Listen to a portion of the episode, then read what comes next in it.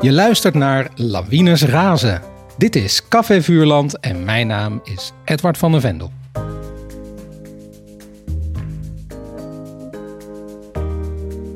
In deze podcast herlees ik klassieke kinderboeken met auteurs van nu. Hoe vers voelen de boeken nog? Wat voor auteur was er aan het werk? Dat en meer bespreek ik vandaag met tekenaars Hedy Chin en Floor de Goede. En we lazen en bekeken De Prinses van de Moestuin, een prentenboek uit 1991 van Annemie en Margriet Heijmans.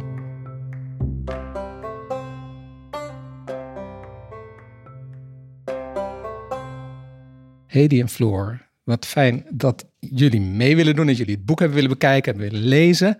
Welkom. Kunnen jullie alvast een uh, korte indruk geven van je leeservaring, Hedy? Mijn eerste indruk was, het is heel erg wennen.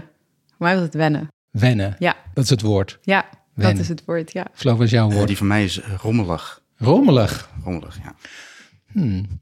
Dit was wel een hele korte indruk van je, maar heel goed, heel goed. We gaan het allemaal uitwerken straks. Ik wil eigenlijk jullie eerst uh, introduceren.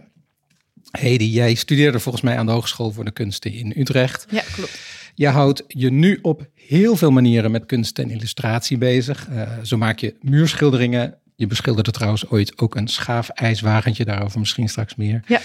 Uh, je maakt ontwerpen voor tapijten. Je werkte bijvoorbeeld voor het Parool en de Volkskrant. Uh, ik weet niet waarom ik dit opgeschreven heb, maar je sprak met koning Willem-Alexander over chocola. Nou, ik weet wel, maar wat ja, was dat ook weer?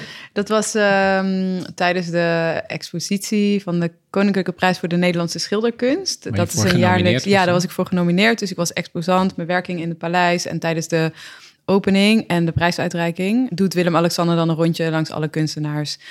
En ik heb ooit een wikkel voor. Uh, nee, niet voor Tony Chocolone. Ik heb ooit een, een, een gepersonaliseerde wikkel laten maken. En um, die werd in het praatje over mij verteld. En toen vertelde Willem-Alexander van. Nou ja, wij uh, als familie, als presentje, geven we ook vaak Tony Chocolonies. En volgens mij ook met gepersonaliseerde wikkels. Dat ze dan Ah. hun eigen soort van koninklijke wikkel hebben. die ze aan mensen cadeau geven. Het ging ook wel. Daar was een link met je werk in ieder geval. Ja, ja, ja zeker. Ja. Ja, ja, um, verder begaf je je in 2020 in de kinderboekwereld met je tekeningen voor Sala en Monk. Ja. Uh, dat was een boek van Neske Becks, tekst van Neske Becks. Jij kreeg er meteen een vlag en wimpel voor. Ja. En toen volgden nog twee boeken in 2021. En daar kreeg je ook weer allebei voor die boeken een zilveren penseel. Eén keer voor Op de Rug van Biggie Kaiman van Henna Goudzand Nahar. En één keer voor Lennox en de Gouden Sikkel van Zinzi Zevenbergen. En die tekeningen maakte je samen met Brian Elstak. Ja, ja. Klopt, yes. En in 2022, vorig jaar, verscheen je vierde kinderboek. Althans, het vierde kinderboek waar jij tekeningen in maakte. Mondi, een boek op tekst van Miluska Meulens. En nu ben je volgens mij in elk geval bezig aan een prentboek voor Pim Lammers. Ja, klopt. En uh, Zinzi is ook een uh, nieuw boek aan het schrijven. Uh, waar ik de illustraties ook voor ga maken. En dat is eigenlijk een deel van mijn, mijn geschieden familieverhaal. Dus het gaat ja, over heeft mijn, met dat schaafijs te maken, Ja, toch? heeft met schaafijs te maken, ja. Want jouw opa... Mijn overgrootvader, die heeft schaafijs in Suriname geïntroduceerd. Ja, en hij uh, is op Madeira geboren, een eiland dat bij Portugal hoort. En hij is toen vanuit Madeira, omdat het daar heel slecht ging, uh, werkzoekende, is hij naar Brazilië uh, gereisd met de boot. En is hij vanuit daar in Suriname terechtgekomen, is nog even naar Trinidad gegaan. En het verhaal gaat, maar ja, dat zijn allemaal natuurlijk familieverhalen. Niemand weet wat er precies van klopt. Dat hij vanuit Trinidad uh, schaafijs in Suriname heeft uh, geïntroduceerd. Wat is tot op de dag van vandaag nog steeds, ja, schaafijs is voor Suriname groot, echt, uh, ja. ja, ja, ja. Maar dat beschilderen van dat karretje heeft daar ook weer mee te maken, toch? Uh, nou, dat was dat is al, alweer, ik denk alweer tien jaar geleden. Ik ben uh, heel veel winters in Suriname geweest om daar te werken en te wonen. En op een gegeven moment had ik, want het is een traditie in Suriname om je schaafijskar zo mooi mogelijk te beschilderen. Want dan trek je de meeste mensen. Dan komen de meeste mensen willen dan een ijsje bij jou kopen. Dus ik had bedacht toen ik daar was. Want er zijn best wel kitscherige illustraties. Zijn vaak popmuzikanten uh, of religieuze Jezus uh, of mooie vrouwen. Dat zijn vaak dat soort schilderingen. En ik heb een hele andere stijl. En toen had ik sowieso nog een hele andere stijl. Dus ik had zoiets van, lijkt me wel leuk als ode aan mijn overgrootvader uh, en ik die schilder om ook een keer zo'n karretje te beschilderen. Dus toen ben ik de straat opgegaan en heb ik gezocht naar de schaafijskar waarvan ik dacht, ja, maar die heeft echt hard een schilderbeurt nodig. En die had ook, deze car had ook helemaal geen schilderingen. En toen heb ik gevraagd van, nou mag ik jouw car een weekendje? En dan kom je hem na het weekend weer ophalen en dan ga ik hem helemaal beschilderen. En um, ja, deze schaafijskar eigenaar begreep er helemaal niks van. Ik vond het maar een heel raar. Die had zoiets van ja, mm, ja oké, ik kan hem wel brengen. En uh, toen kwam hij hem na het weekend ophalen en toen was hij helemaal beschilderd en hij was helemaal sprakeloos. Ja, ja dat was echt uh, was heel mooi, was heel tof. Ja. ja. Weet je of hij nog rondrijdt daar? Ja, één of twee jaar later uh, kwam ik hem tegen. Toen was er een groot event op het Onafhankelijkheidsplein in Suriname. En toen kwam ik hem tegen en toen had hij hem helemaal gelakt. En dan had hij om mijn naam had hij, hij had hem bijgewerkt. Dus dan had hij om mijn naam had hij een soort ook dingetje opengelaten, zodat je mijn naam nog zeg maar origineel zag ah, staan. Maar uh, ja, dat is nu alweer best wel lang geleden. Dus ik weet niet wat nu de staat is van de car. Nee, en je gaat maandag naar Suriname. Ja, klopt. Ja. Dus gaat misschien wel. Misschien, ja, misschien ga ik hem weer tegenkomen. Ja. En misschien ga ik wel weer nu een, um, een nieuwe car beschilderen. Oh. Uh, Voor het boek misschien wel. Ja, precies. Ik dacht het is misschien wel leuk om een soort van uh, ja, link te leggen met het boek. Ja. Maar dat is, dat is een soort heel vaag plannetje die ik in mijn hoofd heb. Ik moet even kijken of dat gaat lukken. Misschien gaat dat ook helemaal niet gebeuren. Of misschien ga ik een car in Nederland beschilderen. Want de, dus het verhaal, min of meer het verhaal van je overgrootvader, komt in het mm nieuwe boek met Cincy terecht. Ja, klopt. Ja, dus we hebben Cincy en ik hebben allerlei informatie verzameld. Dus ik heb zoveel mogelijk van familieleden proberen te uh, vergaren en dat allemaal uitgetypt. Um, maar we hebben ook algemene geschiedenis over Madeira, over... Ja, we zijn ook gaan graven in archieven, kunnen we iets vinden. Dus Cincy heeft ook wel dingen van Cincy is ook helemaal in mijn familiegeschiedenis gedoken. Dus alles wat we verzameld hebben, hebben, hebben we met elkaar gedeeld. En daar heeft Cincy een hele tijdlijn van gemaakt. Dus Cincy kent nu eigenlijk mijn familie bijna nog beter dan dat ik zelf ken. En die heeft daar uh, een fictieverhaal, is ze daarbij aan het schrijven. Maar met wel alle elementen die we, die feitelijke elementen die we hebben, daarin verwerkt ook. Dus het is een mix van fictie en, uh, ja, en dus geschiedenis. Wat leuk, wat Lennox eigenlijk ook een beetje was. Dat was ook Klopt, gebaseerd op, een, op een waar verhaal. Ja, ja wat tof. Klopt. Ja. Heb er wel zin in in dat boek. Ja, toch? Ik, uh, ja. Oh, ja. ja. ik ben ook heel benieuwd. We hebben nog veel stappen te zetten, maar het begint steeds meer uh, vorm te krijgen. Maar dat is wel het volgende project, of is het, het prentenboekje het volgende project? Nee, als het, hoe het nu in de planning staat, is dat dit boek in de zomer uitkomt, Schaafijs. En het boek met Pim, prentenboek, dat staat voor het najaar gepland. Ja, bij Querido. Ja, bij Querido. Allebei? Nee, nee, nee, nee bij is bij de Harmonie. Ja. ja, leuk. Spannend. Ja. Flo, ik wil jou ook even introduceren. Ik zeg Flo, maar je heet eigenlijk oorspronkelijk Floor. Uh, maar goed, je, je, professionele naam en de naam van het leidende personage in je werk is eigenlijk Flow. Leidende. Ja, klinkt goed hè? ja. Uh, jouw opleiding was aan het Grafisch Lyceum. Je deed daar multimedia vormgeving. En je werd daarna striptekenaar en later illustrator van kinderboeken.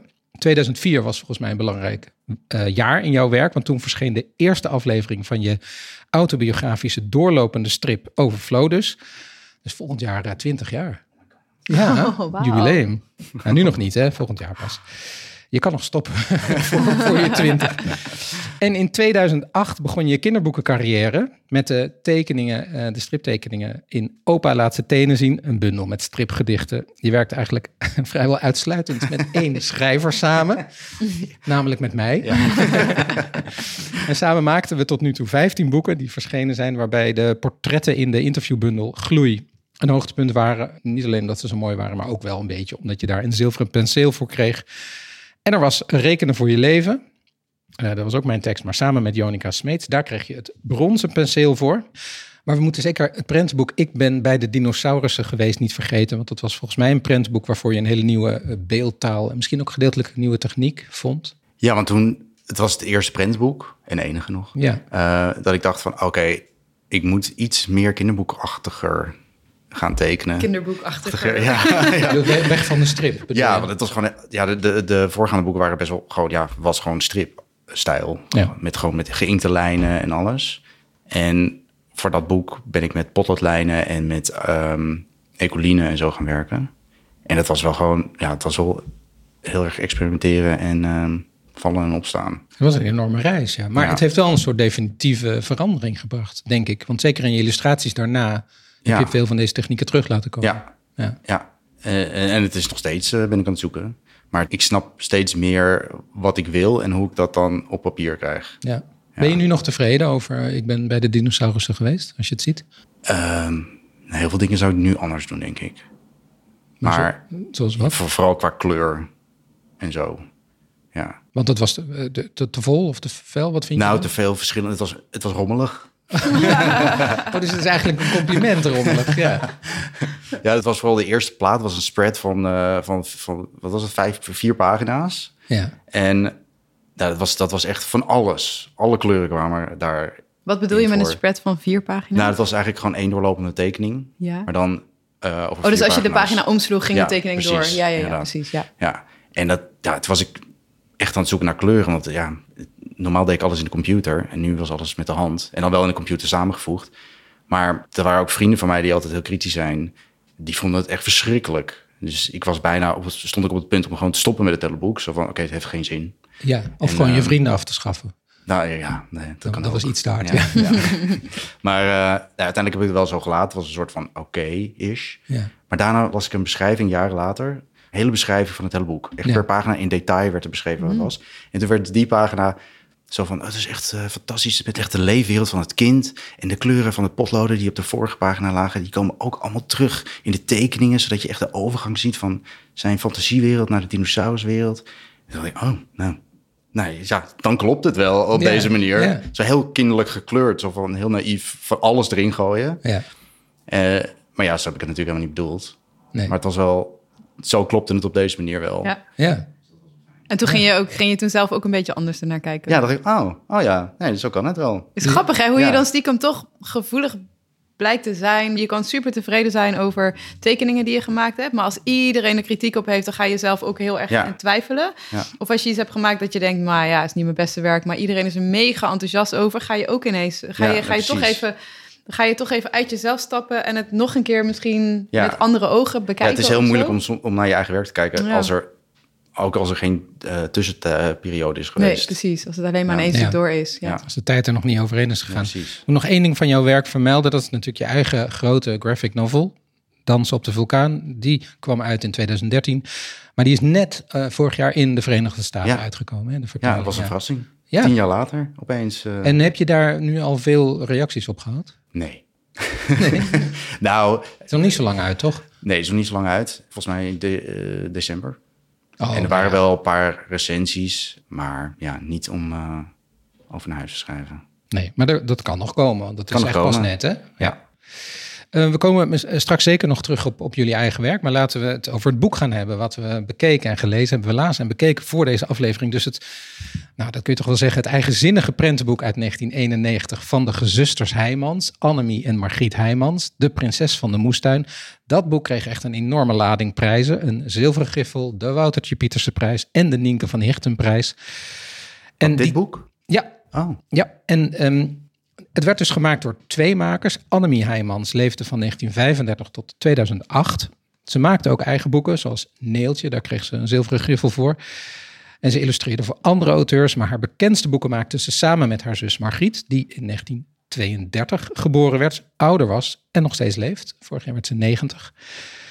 Dat was bijvoorbeeld hun debuut, Het Poppenfeest uit 1971. Maar het jaar erop debuteerde Margriet als zelfstandige tekenaar, ook met haar eigen boeken en auteur. En dat was met het boek Holiday, de circuspony. Maar eh, ik noem het omdat ze daar meteen het allereerste gouden penseel voor kreeg. Dat werd toen ingesteld. En ah. dat was, gek genoeg, uh, een aanmoedigingsprijs. Oh. Dus wat nu, ja, als je gouden penseel, dan is het echt absoluut het beste boek. Maar toen was het alleen voor jonge makers, ja. de eerste jaren. Dus zo is het gouden penseel begonnen. Wist dus ik ook zij heeft de eerste gouden penseel? Allereerste die ah, er ooit is uitgereikt. Ja. Daarna volgden hele opvallende soloboeken zoals Jipsloop. Dat was een bundeling van korte strips. Maar ook zoals het vermaarde en nogal beruchte Lieveling Boterbloem uit 1989. En uh, dat was berucht vanwege het feit dat het een absoluut moeilijk te begrijpen boek was. Mm -hmm. uh, daar kreeg ze ook de Woutertje Pieterse prijs voor en ook weer een zilveren griffel. En dan was er nog in 1997 uh, De Wezen van Woesteland, weer het gouden penseel. Nou, het is dus flink beprijsd. En dan is er dus de bekendste titel van die twee samen. En dat is De Prinses van de Moestuin. Ja, nou, dat ga ik nu een beetje uitleggen. En dat is niet simpel. Dus ik ga proberen het heel overzichtelijk te doen. Het is een boek, zou je kunnen zeggen, over rouwverwerking. Gaat over twee kinderen. Die wonen met hun veel te drukke, onoplettende vader. Uh, de moeder is overleden. En de kamer waar die moeder in woonde in het huis is verlaten. Daar komen ze eigenlijk niet meer. De sleutel ligt ergens onder de mat. En uh, nou ja, die wordt niet geopend. En ze werkte altijd in de tuin, in de moestuin. Nou, die tuin, die is dichtgemetseld.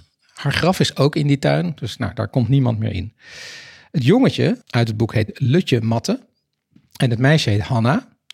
En de linkerpagina's van het liggende prentenboek, het is een liggend prentenboek, die zijn steeds van het jongetje en van het huis. En de rechterpagina's zijn van het meisje en van de moestuin. En door het boek heen vinden er allerlei bewegingen van links naar rechts en van rechts naar links plaats. Zo zijn er bijvoorbeeld vanuit de moestuin, waar Hanna naartoe gaat, geheime briefjes. Die stuurt ze naar haar broertje, die nog in het huis is. Die denkt dan weer dat dat van een prinses uit een, uh, uit een sprookje komt. Uh, en Lutje Matte, Matte, dat broertje dus, die sleept op vraag van zijn zusje, want hij krijgt allemaal briefjes van uh, ik wil dat en ik wil dat en zo. Die sleept dan allerlei meubels uit de vroegere kamer van de moeder naar de moestuin. En uiteindelijk staan dus bijna alle meubels uit de oude kamer van de moeder in de moestuin. De moestuin wordt helemaal opgeruimd door Hanna. En, en daarmee zou je kunnen zeggen dat, er een, een uh, dat die moeder weer een beetje tot leven is gewekt. Nou, tussendoor horen we ook nog af en toe de stem van de moeder, want die huist nog in die kamer. En die praat, ja, een soort raadselachtig af en toe tegen de twee. Maar nou goed, dat is het uh, verhaal. Eerst even, nog niet over de tekening, maar eerst maar even heel kort over het verhaal. Wat, wat deed het jullie? Nou, ten eerste wil ik zeggen dat je dit echt heel goed omschrijft, dit boek. Hoe je dit samenvat, knap, ja. ja. En uh, wat, wat deed het boek? Ja, wat ik al zei, mijn, mijn, de, mijn zin, mijn woord hierbij was wennen. Ik moest echt, ik was aan het lezen en ik dacht, wat ben ik aan het lezen? Ik volgde het helemaal niet in het begin. Maar ik vond het ook wel daardoor wel super interessant. En ook misschien wetende dat het boek prijzen heeft gewonnen. Dus dat je denkt van, oké, okay, maar dit, dit, dit, ik moet even doorgaan, want er zit iets goeds in. Ja, dus het wekte wel heel veel nieuwsgierigheid. En, en het gaf ook wel ergens inspiratie, omdat, het dus, uh, omdat er zoveel elementen in verwerkt zijn en op zoveel verschillende manieren eigenlijk gecommuniceerd wordt met de lezer en de kijker. En de inspiratie, bedoel je dat ook letterlijk voor een, een, boek? Ja, bijvoorbeeld. Ja, ja, ja, ja, ja, ja. Ik bedoel het inderdaad wel dan echt als beeldmaker. Oh ja, dus meer de, ja. ja, daar komen we misschien zo op, ja, want ook in beeld gebeurt nog allerlei dingen. Ja. ja. Oh ja, interessant. En, en voor jou het verhaal, Ja, in het begin vond ik het ook een beetje verwarrend. Toen had, ik had precies hetzelfde van, oké, okay, what, the, what the fuck is dit? Maar had je ook niet zoiets dat je dacht van, hé, maar, maar dit is toch een kinderboek? Hoezo? Ik ben volwassen. Dit zou ik toch heel makkelijk ja, moeten begrijpen. Dat je aan jezelf gaat twijfelen. Ja, maar ik had ook dat stuk, de achter, ik wist van die prijs, wist ik allemaal niet. En ik had de achterkant ook niet gelezen. Dus ik ben er gewoon meteen in begonnen. Ja. En het was, hè? En dan, en dan kijken of er bladzijden vast zaten, dat ik iets gemist had. En zo terugslaan. Van, hè, wat is het nou? En nou ja, oké, okay, ik ga wel verder.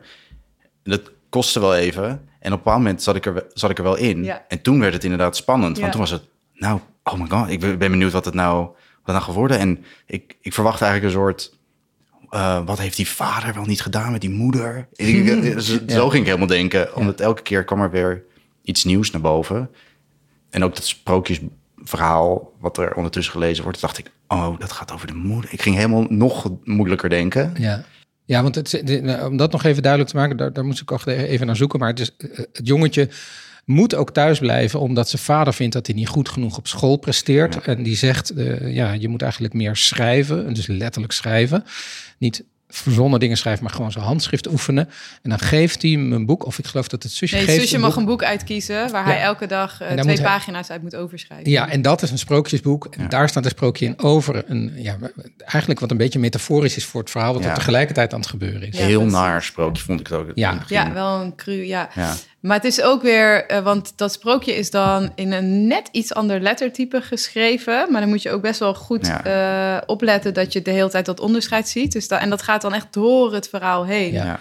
Ja. ja. je moet echt heel goed uh, bij de les zijn. Je moet veroveren. Hè? Het is een boek wat je gewoon tot je moet zien te krijgen. Je moet een beetje trekken en je moet jezelf openstellen. Ja. ja.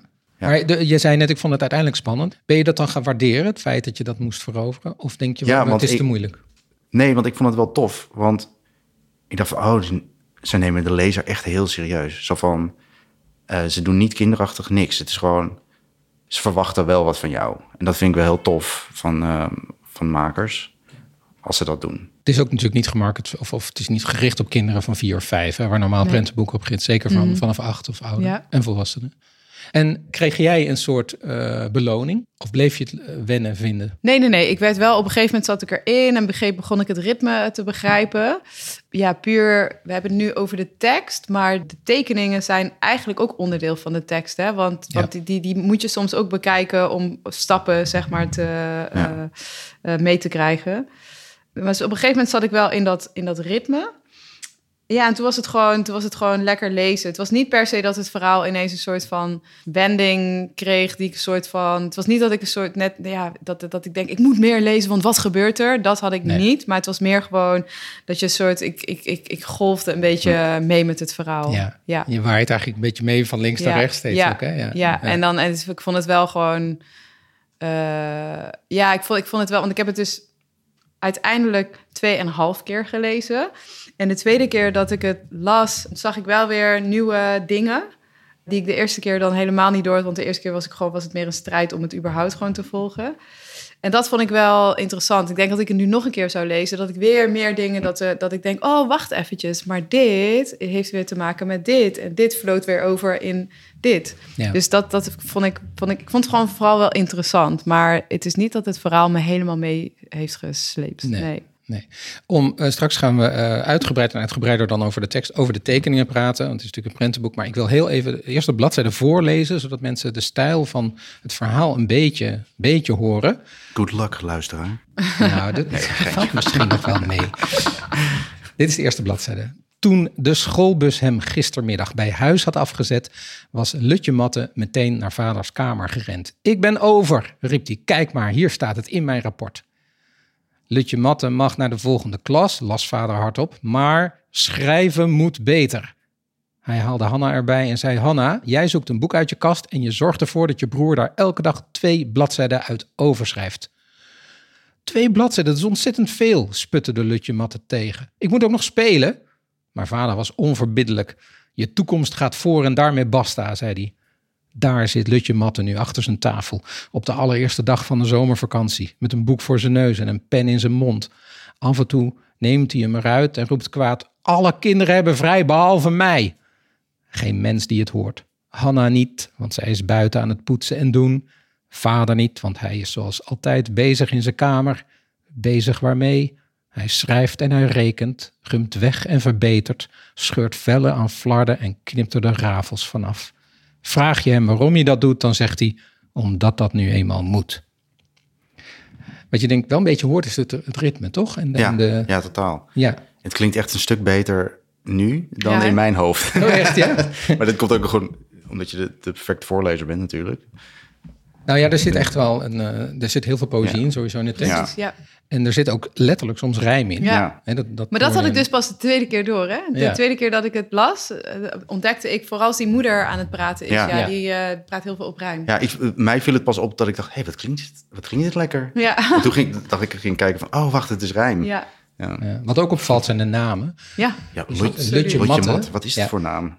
Nou, dat is, ja, dat is echt een heimansnaam. Ik noem even wat namen uit haar andere werk. Eh, uit Jipsloop. Nou, Jipsloop, dat is gewoon het jongetje, oh, zo heet hij. Oh, oké. Ja. en het De Wezen van Woesterland, daar heb je iemand die, eh, de hoofdpersoon heet uh, Josefa Muizenveld. en Bonnie Van. En streekwachter Sokkenpet. En dan heb je Opa Bleskop, ook nog een ander boek van haar. Nou, Opa Bleskop is daar een figuur, maar het meisje heet daar Koelaartje. Wow. Maar ik vind de combinatie zo grappig. Dan heb je Lutje Matte, dat is best wel een aparte naam. En dan Hanna. Hanna, Hanna ja, weer een heel gewone naam. Ja. Ja, ja. dat is dan misschien uh, direct of echt bedoeld Om de hoofdpersoon echt uh, te onderscheiden misschien of zo. Ja, en misschien ook, ik weet het niet of dat nu... We komen zo op de tekenstijlen, maar Annemie, die het meisje heeft getekend... die tekent iets toegankelijker. Mm -hmm. En Hanna is misschien een iets toegankelijkere naam...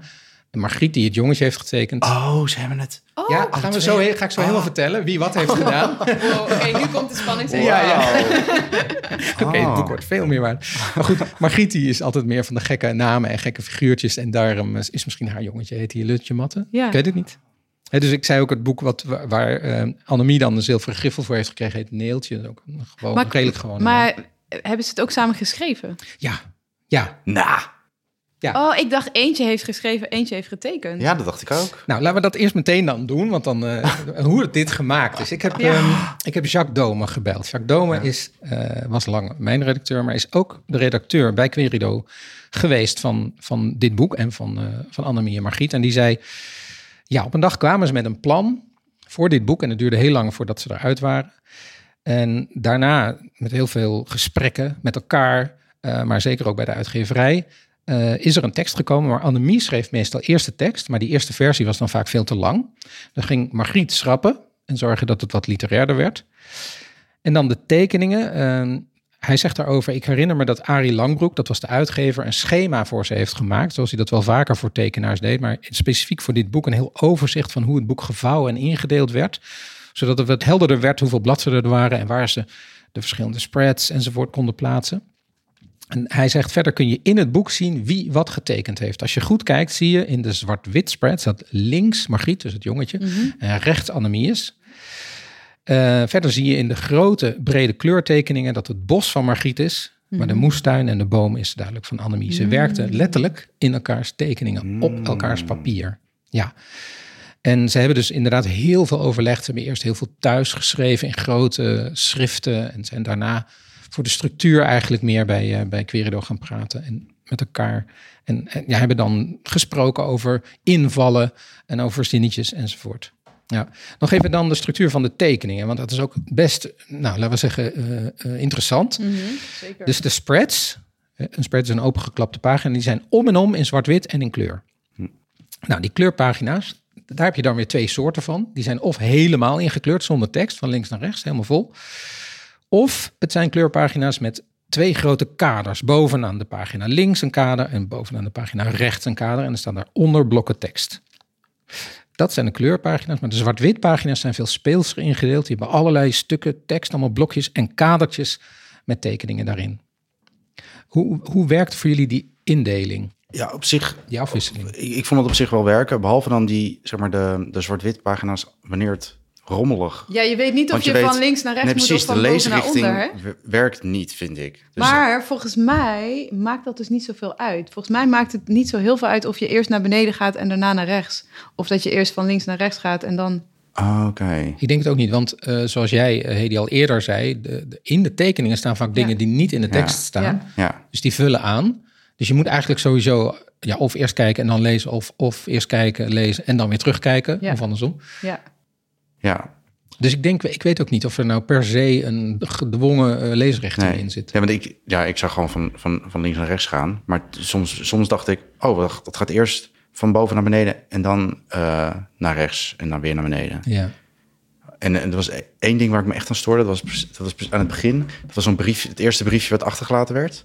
Deze? Oh, wacht. Bij mij is dat uh, verkeerd gedrukt dan. Echt? Ja, want er stond, dit was helemaal naar, dat was een, de tekst was buiten. Wijs, wijs naar een briefje wat we in de tekening ja, ja, sorry. Ja? ja, en, maar was, bij mij was de tekst waarschijnlijk naar beneden geschoven, want... Buiten het briefje? Ja, want haar naam, uh, Hanna, waar ze, waar ze het briefje mee eindigde, ja. dat was buiten het briefje. Oh, buiten het kader. Toen dacht ik, nou, hier is uh, wat een slechte vormgeving. Ah ja. Maar nu zie ik dat het Ik heb de eerste druk. Ik ga meteen kijken of dat oh. hier dan ook zo in was. Ja, dat was dan een fout van de vormgeving ja. natuurlijk, hè? Ja, ja, ja, ja, ja. ook, ja, ja. Oh, hebben ze, oh, wat grappig. Dan zien we een, eh, een verschil met eerste en latere drukken. Ja. De naam valt buiten het briefje, dat kan natuurlijk niet. Nee. Dit is, ja, want dit is dan het eerste briefje. Hè? Dus ik heb ook inderdaad, dat je dan door hebt dat dit, want dit is, er wordt best wel veel met, uh, ja, dus met lettertype ook. Want dit zijn dan twee verschillende. Heb je cursief, wanneer het een briefje is, zijn de letters cursief. Wanneer dat niet is, zijn ze gewoon uh, recht. Maar dan heb je uh, die andere pagina's, wanneer het over Lutje Matte gaat, dan heb je gewoon een font. En wanneer het over de prinses gaat, het verhaal wat hij moet overschrijven, ja. heb je weer net een iets ander ja. font. Dus je moet ook in uh, font moet je best wel veel schakelen. Dus er zijn zoveel elementen in dit boek dat je even moet schakelen. Dat je door hebt van, oh ja, wacht even, maar dit, deze tekst, maar die, die verschillen zijn zo klein. Ja, ja, je moet echt heel goed opletten. Echt scherp zijn, ja. ja. En daar, en inderdaad, ik vond het wel leuk dat je echt de tekening moest echt helemaal afgaan. Ja. Want opeens was er ergens, oh wacht, daar vliegt een briefje ja. weg met een ballon, maar dat wordt, het wordt nergens beschreven. Nee. Ja. Nou, en, en, er is ook een uh, hond, een hond die eigenlijk ja. in het huis woont, Koos heet die, en een geit die eigenlijk in de moestuin woont. En die hebben eigenlijk ook een, een kleine rol in het verhaal. Ja. Mhm. Die kan je afzonderlijk ook nog weer volgen. Ja. Ja. Ja. Ja, dat is echt superleuk. En Hedy, jij zei net dat het boek als geheel, misschien met name eigenlijk die indeling eh, in tekeningen, een, eh, een inspiratie zou kunnen zijn voor de structuur van een boek wat je nog wil maken. Ja. Hoe, eh, dan gaat het dus echt ook over, over dat beeldwerk. Of? Ja, dus er zit dus een bepaald ritme in. Wat jij net beschreef, van je begint eerst met het verhaal... dan gaat het links over Lutje Matte, rechts over Hanna. En het wordt eigenlijk inderdaad in het hele boek doorgevoerd. Maar los daarvan heb je dan ook nog dat het van locatie verandert. Ritmisch. Ehm, dus er zitten verschillende perspectieven in... en verschillende locaties die dus afgewisseld worden... Uh, en dat is een beetje waar we met het schaafijsboek ook naar op zoek zijn. Want we gaan ook, we zijn, gaan drie of vier verschillende lijnen gaan we over elkaar heen leggen. Die gaan door elkaar heen komen.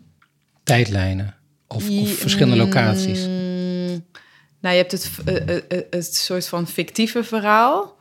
En dan gaan we uh, wat geschiedeniselementen die passen bij waar het fictieve verhaal over gaat. Een soort verdieping eigenlijk. Een soort feitelijke verdieping van de geschiedenis van dat moment. Uh, die komen daarbij, maar er komen ook nog uh, stemmen die er af en toe iets over zeggen, over wat er in het fictieve verhaal wordt verteld. En we hebben inderdaad nog een tijdsprong. Dus dat zijn eigenlijk vier lagen, ja. vier verschillende, die uiteindelijk ook qua vormgeving, maar ook qua soort van vertelling, die moeten op een juiste manier weergegeven gaan worden. Dat het niet heel rommelig wordt. ja. Um, maar denk je dan nu bijvoorbeeld letterlijk van, oh, we zouden ook uh, wel een gedeelte in zwart-wit kunnen doen? Ja, zeker. Dat, maar dat hadden we ook al, had ik ook al een beetje in mijn hoofd, dat we inderdaad met kleuren kunnen gaan spelen. En ook inderdaad, misschien is er één laag die je een beetje graphic novel-achtig zou kunnen weergeven. Ja, dat is eigenlijk wat hier ook natuurlijk gebeurd is ja. bij, bij bepaalde spreads. En ja. je hebt hier inderdaad zwart-wit delen, je hebt kleine tekeningen. Dit is natuurlijk een prentenboek en het schaafijsboek gaat geen prentenboek worden. Maar het is wel heel fascinerend om, en, en ook om te zien van, want het is dus ergens heel fascinerend dat het een beetje rommelig is en dat je moet zoeken en dat je moet wennen. Maar ik denk dat dat iets is wat wij niet willen in het schaafijsboek. Dus het is ook best wel leerzaam om te zien van... oké, maar op deze manier gaat het een beetje rommelig zijn. En dan kan, je, dan kan je heel makkelijk eruit pikken... welke elementen maken het rommelig. Waardoor je dus dan dat kan je meenemen van... oké, dus dit moeten we dan anders gaan ja. uh, invullen ja. in, in ons eigen boek. Ja, ik denk overigens dat de, de twee makers het eerder... Uh, af en toe wat open wilden laten ja. en wat abstract misschien wilden houden. Ja, speels. Ja, en associatief ook, denk ja. ik, hè, zoals ze het ook geschreven hebben. Maar je, voor, je, voor jullie boek zeg je daar, uh, willen we wel dat die tijdlijn en dat soort dat dat makkelijk te begrijpen is voor, voor kinderen. Ja. ja, we zitten ook nog aan te denken of het misschien ook uh, dat we qua leeftijd dat bepaalde uh, lijnen in het verhaal dat dat misschien voor een voor kinderen wordt, maar misschien oh, een andere lijn niet voor kinderen. Voor volwassenen. Voor volwassenen. Nee, ja, dat dus dat mensen kunnen kiezen van oké, okay, we kunnen, we gaan deze pagina's volgen en die skippen we, want die vinden we niet interessant. Dat ze gewoon een keuze kunnen maken wat ze. Maar dat zijn allemaal dingen die nog alle kanten ja, op kunnen. Ja. Maar goed, daar was de prinses van de moestuin in ieder geval.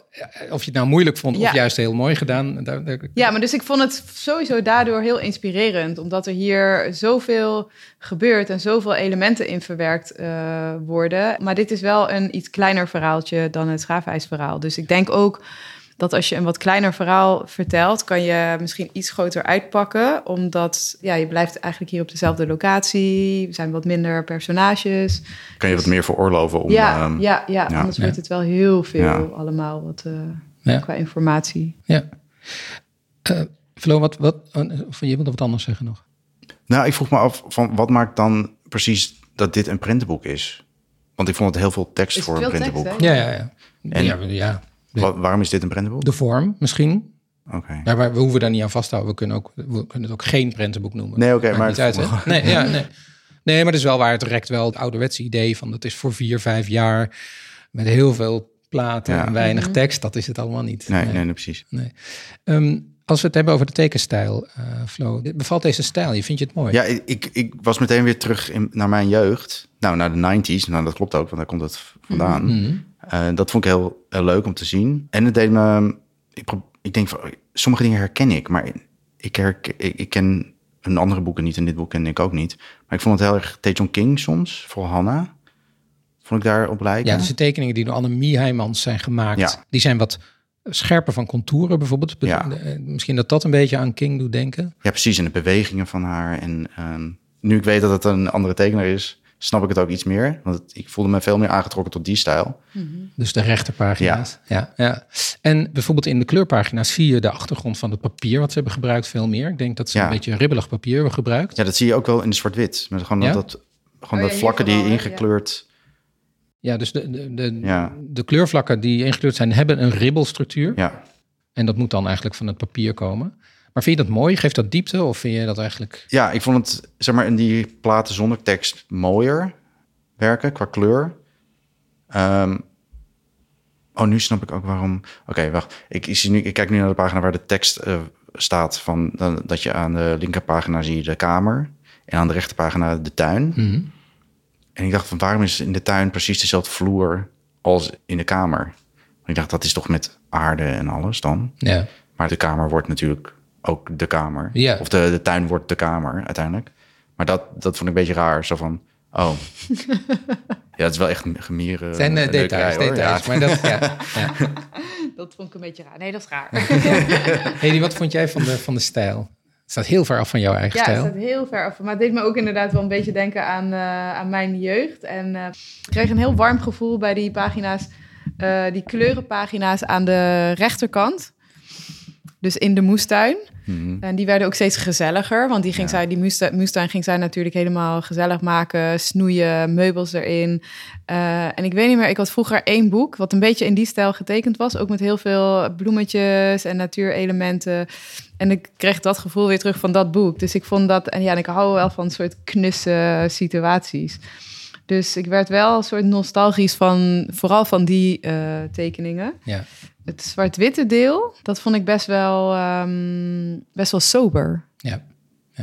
En ook misschien wel, kijk, door de houdingen. Want ze kijken best wel vaak een beetje naar beneden. En ja, het is misschien ook eh, de thematiek. Het gaat Hm. natuurlijk over de moeder die overleden is. Dus ik voelde daar ook wel een soort soberheid en een soort leegte. Maar dat past dan misschien ook weer bij het feit dat de vader eh, er eigenlijk... die is altijd maar in zijn kamertje aan het werk. En de kinderen die zijn een beetje in hun eentje... eh, wat dingen aan het uitproberen. Nou, wat er, de- misschien voor deze theorie die je nu zegt spreekt, is het feit dat we de, de vader nooit in zijn gezicht zien. Behalve helemaal op het eind, dan waait hij mee met de, zijn laatste papieren naar de moestuin. Als die helemaal is ingericht. Dus eigenlijk is dat een heel symbolisch iets. Hè? Dan Ja. eh, hebben ze eigenlijk de, de, de dode moeder een beetje terug tot leven gewekt door al haar spullen mooi neer te zetten en alles eh, netjes te maken rondom haar graf. En uiteindelijk waait ook de vader mee. En dan is zijn hoed afgewaaid, die hij altijd op heeft gehad, en je ziet opeens zijn gezicht. Dus ik denk Dat toch is me niet eens opgevallen nu, Nee, jij, nu jij het zegt. Ja, Ja. ja. En dan zijn die, dan zijn die zwart-wit tekeningen ook ineens veel rijkelijker gevuld. Dan zijn ze veel meer opgevuld. Dus die Ja. leegte is dan ook letterlijk Ja. Ja. weg uit het beeld... wanneer vader naar de moestuin is gekomen. En wat ik toch heel mooi vond, is dat je de, de verlaten kamer, waar dus alle Mhm. spullen uit zijn gehaald, daar blijf je de schaduw Ja. van die spullen Ja. wel Dat vond ik zien. ook Ja. heel leuk. De spiegel, er is een spiegelschaduw en de kast is een kastschaduw. Ja. dus je kan ook heel visueel echt heel erg zien. Ja, links is nu verlaten, Ja. die oude kamer, waarin ze misschien wel eens doodgaan, maar de tuin is er weer. ja, Ja. precies. Ja, ik vond het ook wel heel leuk dat de boekenkast wel bleef staan. Omdat ze dan, waarom zou je boeken lezen als je zelf verhalen kan verzinnen? Ja, Was het idee, volgens ja mij. dat is het idee, ja. Ja, de verhalen blijven achter. De oude Ja. verhalen blijven achter, Ja. staat er geloof ik, ja. Eh, als, als we het hebben over de, uh, Flo, wat jij net zei, de figuurtjes. Dus inderdaad kon je altijd zeggen dat de stijl van Annemie misschien iets toegankelijker, iets popperiger ook was. En dat de stijl van Margriet wat bonkeriger was. En daar zei Brechtje Boonstra, was, eh, de, de, een van de bekendste recensenten uit die tijd, iets over. Die schreef daarover in het boek Er was eens en was eens, schrijft zij over de figuren van Margriet Heijmans. Haar verhaalfiguren doen met hun schonkige lijven, knobbelneuzen, krentenoogjes en houterige pruikjes nog het meest denken aan uitgelopen aardappels. Ja, Ja. Toch, zegt ze, beschikken deze wonderlijke in oma-jurken en te ruime schoenen gehulde wezens over een grote mate van expressie.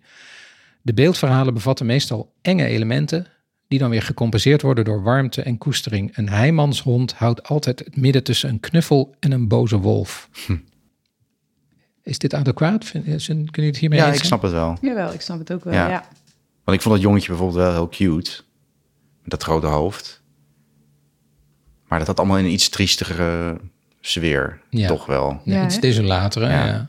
Ik vraag me af, waarom is er voor gekozen om dat in zwart-wit te houden? Die, die tussenpagina. Die tussenpagina's. Waarom ja, is dus dat... wat is de betekenis eigenlijk van, van de keuze ja. voor zwart-wit? Ik had zelf het idee dat dat de, dat dat de voortstuwing van het verhaal is. Dus wat er aan het gebeuren is tussen die twee briefjes die heen en ah, weer komen ja. enzovoort. Okay, ja. En dat als zodra we een kleurpagina hebben, dan is het of een pagina zonder tekst waarin we zien hoe een van de elementen uh, tussen het huis en de, de moestuin is trouwens een bruggetje. En die wordt letterlijk over dat bruggetje gesleept. Dus piano wordt er overgesleept, de divan wordt er overgesleept. Dat zien we op die grote tekstloze pagina's. En de andere kleurpagina's, dan gaat het vaak over de terugblik, terugdenken dat is aan waar de, Dat is waar de moeder ook praat, waar je de stem van de moeder hoort. Precies. Ja, in de, dus dat is misschien ook een soort van uh, de kleur, zeg maar, in hun leven is gewoon die herinnering aan moeder of zo. Dat, dat, dat het ook somber is, dat alles wat grauwer is sinds zij er niet meer is. En waar zij dan soort terugkomt. Precies, want die kleuren zijn ook veel warmer op die pagina's. Ja, dan op die spread waar, je, waar je die... Ja, waar, eh, waar tekstloze, die zijn veel kouder. En dat is maar de realiteit of zo. Ja, ja, hier wordt het ook al wat kleurrijker, omdat daar is het ook aan het einde van het boek. Maar dit is inderdaad ook veel soberder qua kleur. Ja. De vraag is ook een beetje, hoe komt zo'n verhaal waar ze zo lang over nadenken, nou eigenlijk uit deze specifieke mensen? En ik denk dat je niet altijd, maar wel vaak uh, dan een beetje kunt terugkijken naar wat uh, de persoonlijke omstandigheden van de makers zijn. Uh, kom misschien zo meteen ook nog bij jullie over. Nou, bij deze boeken, bij meer boeken van hun, zie je altijd wel een bepaalde soort narigheid. Het, is niet, het begint niet warm en leuk. Mm -hmm. En Cornel Maas heeft ze geïnterviewd in de Volkskrant. En toen zei Margriet, op de vraag waarom die boeken niet geruststellend zijn, die zei toen heel, heel resoluut: Zo zit het leven niet in elkaar. Ik ken geen roze geur. En Annemie zei: Als mensen me vragen of ik gelukkig ben, dan kan ik er ook geen antwoord op geven. Ik kan hoogstens zeggen ja, nu even, omdat er een koolmees voor mijn raam zit. In het boek is het ook echt de vraag of het goed komt. Het is eigenlijk wel een soort warm eind, maar net misschien toch niet helemaal. Uh, en dan zegt Margriet daarover, ja, we wilden ook geen happy end. Alsjeblieft niet, uitroepteken. het einde hebben we bewust opengelaten. Dit is niet het verhaal van een gebroken gezin waarin alles weer in orde is gekomen. De ellende kan net zo goed weer van voren af aan beginnen. Ik voel, ja, ik voel dat eigenlijk wel hoor. Ja, want... Het was een momentopname was het einde. Zo van, oh eventje, het is inderdaad die koolmees even. Ja, want op een gegeven moment gaat het regenen natuurlijk. Ja. Dan wordt het winter. En precies, dan is die, ja, want ja, is, dan is die situatie helemaal dak. Alles, nee. nee. precies. Ja, en ook geen verwarming. Nee, precies. dus het is ook inderdaad een moment. Maar het is best wel Europees of Nederlands om een soort van uh, happy ending uh, in boeken. Want als je dus kijkt in Suriname naar kinderverhalen, die zijn echt gruwelijk. Ja, ja die zijn echt gewoon, die zijn heel, ja, daar gaan kinderen dood, er worden kinderen opgegeten. Die zijn best wel hard. Ik ken alleen maar Anansi. Dat ja, dat, dat, zijn meer levens. Uh, ja, maar die zijn al, dat, dat is al een en al naar, uh, ja. naar shit. Ja, alles precies. gedood. Ja. ja. En dan heb je heel veel symboliek, bepaalde dieren. En dat is heel vaak, uh, ja, is dat, gaat dat helemaal, loopt dat helemaal niet, niet goed Wederom, af. Nee. Disney heeft alles verpest. Ja, ja, ja, ja precies, dat is wel de westerse invloed natuurlijk. Ja. Maar uh, die denk je echt dat dat zo is? Dat, dat laten we zeggen, Europa over het algemeen sterke behoefte heeft aan lievigheid op het eind? Absoluut, ja. Ja, ik denk als je ook... Ik, ik denk dat met films is precies hetzelfde. Als je... Uh, ja, Hollywood-films zijn ook... Die lopen eigenlijk altijd... Ja. Tegenwoordig is daar wel een beetje verandering in. Maar ja, dat is denk ik de invloed van Japan. Ja, en ook van internet. Dat je ook inderdaad, je hebt nu toegang tot alle films. Je hebt Netflix, dus er is daar veel meer een shift gaande. maar, maar, maar ik denk 15 jaar geleden. Uh, je hebt dus je hebt formules waar films aan moeten voldoen. En als je aan die film voldoet, dan krijg je dus subsidie. Dan, mag het een, dan is het een Hollywood-film. En dan krijg je ook subsidie en toestemming om het te maken. En als je daarvan afwijkt, dan wordt het al heel snel een arthouse film. Ja, ja, ja, En dan krijg je daar minder geld voor. En dan is het low budget. Maar ik, en, en er was ook deze week of zo kwamen er, waren er wat lijstjes van best bezochte films in Nederland. En dat zijn allemaal ook echt van die, echt van die hele commerciële ja. uh, foute films. Ik zag uh, gisteren het lijstje van um, de Golden Globe uh, films die mm -hmm. genomineerd waren. Mm -hmm. En toen dacht ik, nou sorry, hoe kan je dit nog serieus nemen dan? Er stond een Avatar ja, ja, tussen, ja, oh ja, dat, dat je denkt, nou hele, mensen, come on. Ja, ja, ja, maar dat is dus waar mensen wel behoefte... Nou ja, Avatar ja, vond ik ook wel echt nice. Maar oh, mensen nou. hebben wel volgens mij... De, de, de, gemiddelde Nederlander... ja. of de gemiddelde mens in het algemeen... heeft volgens mij... Ja, die wil gewoon het soort, soort afleiding, je goed voelen... omdat misschien je in het echte leven al genoeg shit aan je hoofd hebt... en genoeg mee moet dealen. Wil je gewoon die even... ontsnapping snap ik wel hoor. Maar je hebt uiteindelijk toch ook wel behoefte aan uh, iets van uitdaging uh, in je hoofd. Ja. ja. Maar uh, laat ik nog even verder toch hierop gaan. en eigenlijk dan meer ook naar hun persoonlijke historie mm. kijken. Want behalve die algemene narigheid zijn bijna altijd de gezinnen in hun boeken ja, incompleet of moeten de kinderen het allemaal zelf oplossen. Vaders komen er over het algemeen niet zo heel goed af. Mhm. En hier kan je echt zien dat er, dat er een eh, warmte bij de moeder zit en bij de vader Mhm. een kilte. En daar zeggen ze over, ook in datzelfde interview met Cornel Maas, eh, dat ze zelf turbulente gezinslevens gehad hebben. Eh, ze kwamen uit een groot gezin met zeven kinderen, maar hun eigen gezinnen, dus toen ze later groot werden, nou, daar zeggen ze over. Samen hebben ze acht kinderen uit drie huwelijken, dus Annemie en Margriet samen. Maar de mannen zijn opgelost in het niets. Oké. En eh, dan zeggen ze over de, naar aanleiding daarvan over de vader in dit boek. Het is een gefrustreerde man. Hij trekt zich terug en verschuilt zich achter zijn papieren. En Margriet die zegt over haar eigen verhouding ten opzichte van mannen. Ik wou wel kinderen, maar niet per se een man. Ik ben niet iemand om mee getrouwd te zijn. Van een man weet je nooit zeker of hij wil of mag blijven. Van je eigen kinderen wel. Die raak je nooit meer kwijt, tenminste niet in je hart. En ze zegt, als ik gelukkig getrouwd was geweest, was het met de kinderboeken nooit gelukt. Ik zou al mijn tijd aan hem besteed hebben. Ik zou een slaaf geweest zijn. Nee, met mannen in de kantlijn gaat het beter. Mannen in de kantlijn, dat is wel echt iets wat je in al hun boeken ziet. Eh, en de moederrol is dus veel warmer. Dit boek is ook aan hun moeder opgedragen, die toen nog leefde, heel oud was en toch nog heeft gezien. En eh, die, nou, daarvan zeiden Oh, ze... dus hun moeder. Ik ging er dus vanuit dat dit deels autobiografisch Nee, was en dat nee. hun moeder dat dat dat, dat hun moeder dus op een jonge leeftijd voorschot, want die moeder Ja. heeft niet heel lang meer geleefd na het boek. Eh, maar de moeders staan in het algemeen in hun boeken voor verlangen naar liefde en warmte. En, eh, Ah, ja. oké. Ja. Als ik dit wist, dan was het een stuk minder verwarrend geweest dan meteen. Dit komt allemaal wel heel erg over Ja. in Ja. het boek. Hoe, hoe is dat? eh, ik weet van jou, Flo, dat jij nu eh, bezig bent aan een nieuwe graphic novel. Ook gebaseerd op je eigen verhaal. Ja. Eigenlijk je eigen kinderverhaal dit keer. Ja, en het grappige, want het heeft ook eh, dubbele lagen. Oké, oké. met een andere vertelstructuur er doorheen. Ehm, ja, dus dat, dat ik, oh ja, oké, nee, dat is, we, we maken allemaal hetzelfde boek. Ja, Nee. precies. Ehm, ja, wat, wat, Nou sorry, ja, daar wat- gaat, dat gaat over je kindertijd. Jouw Ja. kindertijd is, eh, je bent een kind van gescheiden ouders bijvoorbeeld. Ja. Het is niet per se heel erg eh, warm geweest. Nee. Jij herkent wel die kilte in gezinnen, denk ik. Ja, ja dan, dan, dan- nu ik ermee bezig ben geweest, kom ik er eigenlijk pas achter hoe dat allemaal in elkaar zat. Dingen die ik als normaal heb ervaren, die zie ik nu van, oh, oh, misschien was het helemaal niet zo normaal. En nu snap ik opeens veel meer andere consequenties of eh, dingen die gebeurd zijn. En dat, ja, dat ben ik nu persoonlijk aan het uitzoeken, hoe ik daarmee om moet gaan. En eh, daarnaast hoe ik dit in een verhaal kan eh, stoppen. Ja. Maar dus het nadenken en het schetsen eh, en, en het plannen van het verhaal, dat doet al veel voor je, voor je eigen terugblik op je Ja, verleden. het is totale therapie. ja. Ja, met een therapeut er ook bij. Ja, ja, oké, daarnaast, ja. Ja. En Ja. wat, je, je gaat dit boek nog afmaken. Het, is, het, is een on- het is nog een Het is, eh, ontstaan, het is nog het een begin eigenlijk. Hè? Ja. Heb je nu een soort hoop voor wat dat boek gaat doen? Voor jezelf dan? Voor mezelf. Verwachting? Ja, ik denk dat ik, dat ik uiteindelijk mijn hele jeugd gewoon een plek kan geven hierdoor. Ja, want ik, ja, volgens mij zit er ergens zit er nog een soort kwaadheid naar mijn ouders toe. Van hoe zij dat eh, hebben aangepakt. En niet eens per se hun schuld, want ik snap het wel, steeds meer.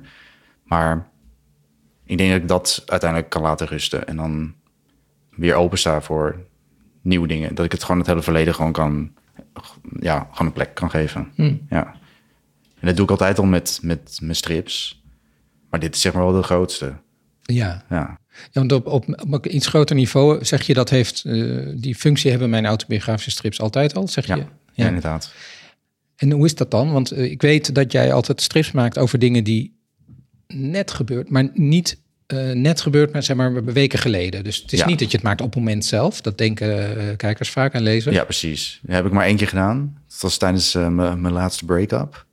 En dat heeft e- enorm geholpen. Het heeft alles zeg maar in een stroomversnelling gebracht, dat ik er overheen kwam. Daar teken je de strip op de dag. Ja, dat, toen was het echt wel dat bijna het- real-time. Ja. Ja, oké. Ehm, maar normaal doe ik dat absoluut niet, nee. Nee. Nee, Ehm, nee maar het is, ik, ik moet er al over nagedacht hebben en het een, e- enigszins een soort plekje hebben gegeven. En dan maak ik er strips over. En dan pas is het soms de realiteit voor mezelf.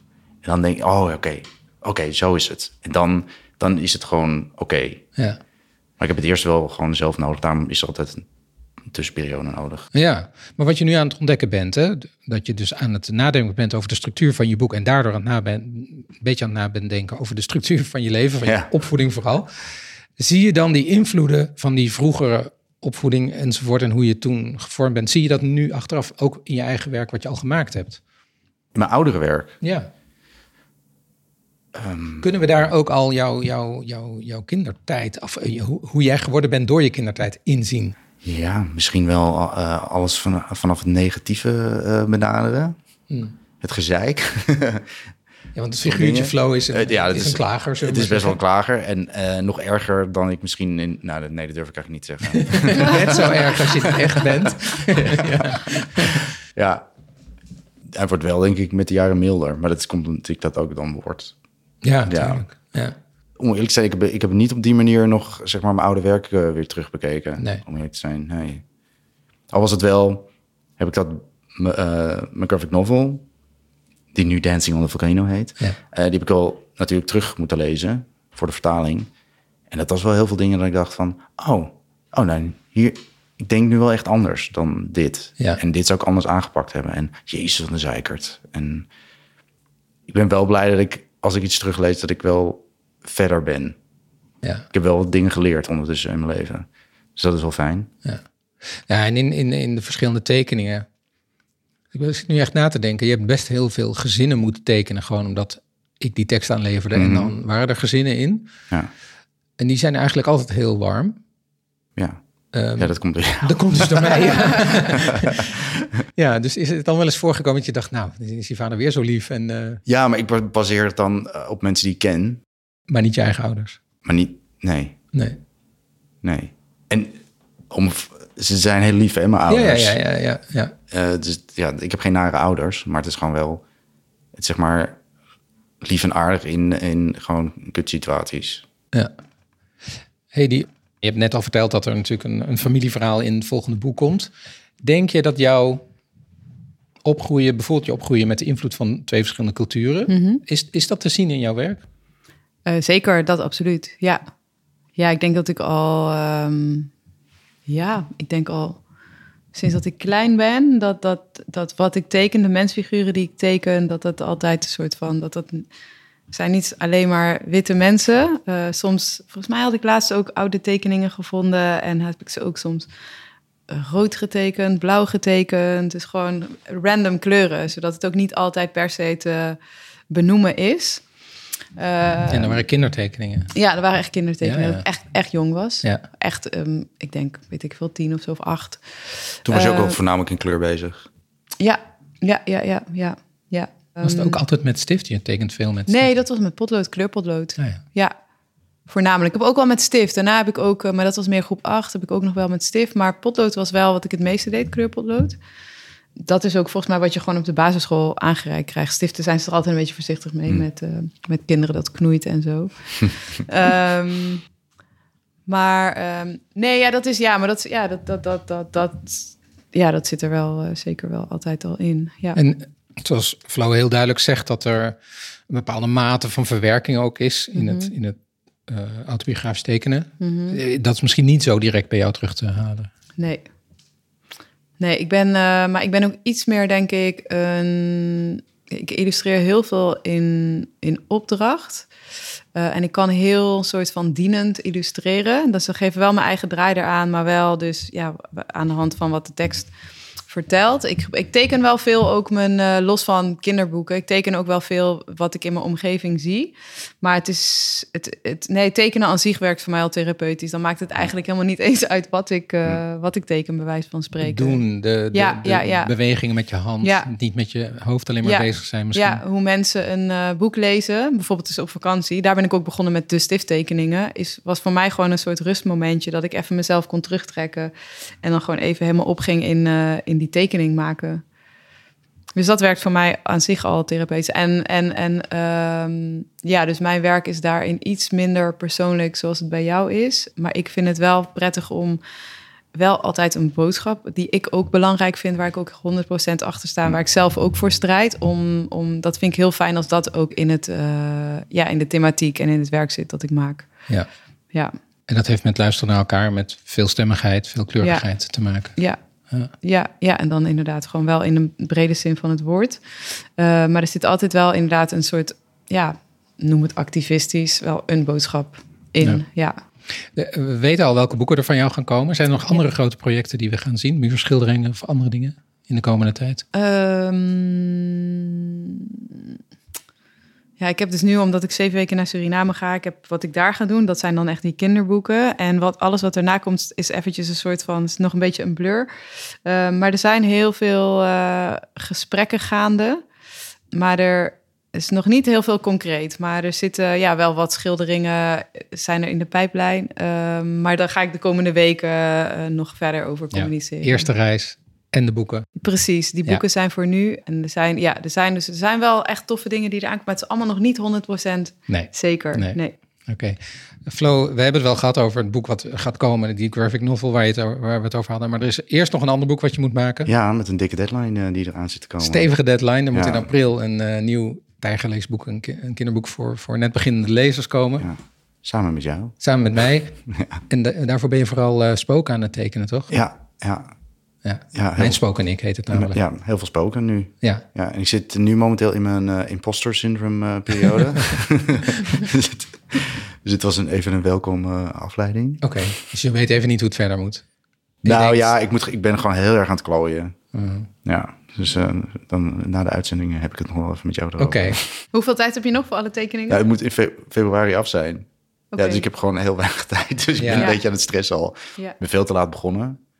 Hoe as snel? usual. Ja, as usual. Ook, ja, volgens mij is dit gewoon hoe jij werkt. Ja, precies. Hoe snel, werk jij snel? Ja, uiteindelijk wel. Ja, toch? Want jij maakt je, je elke dag uh, post jij op je Instagram ja. natuurlijk ook een hele serie. Ja. Ja.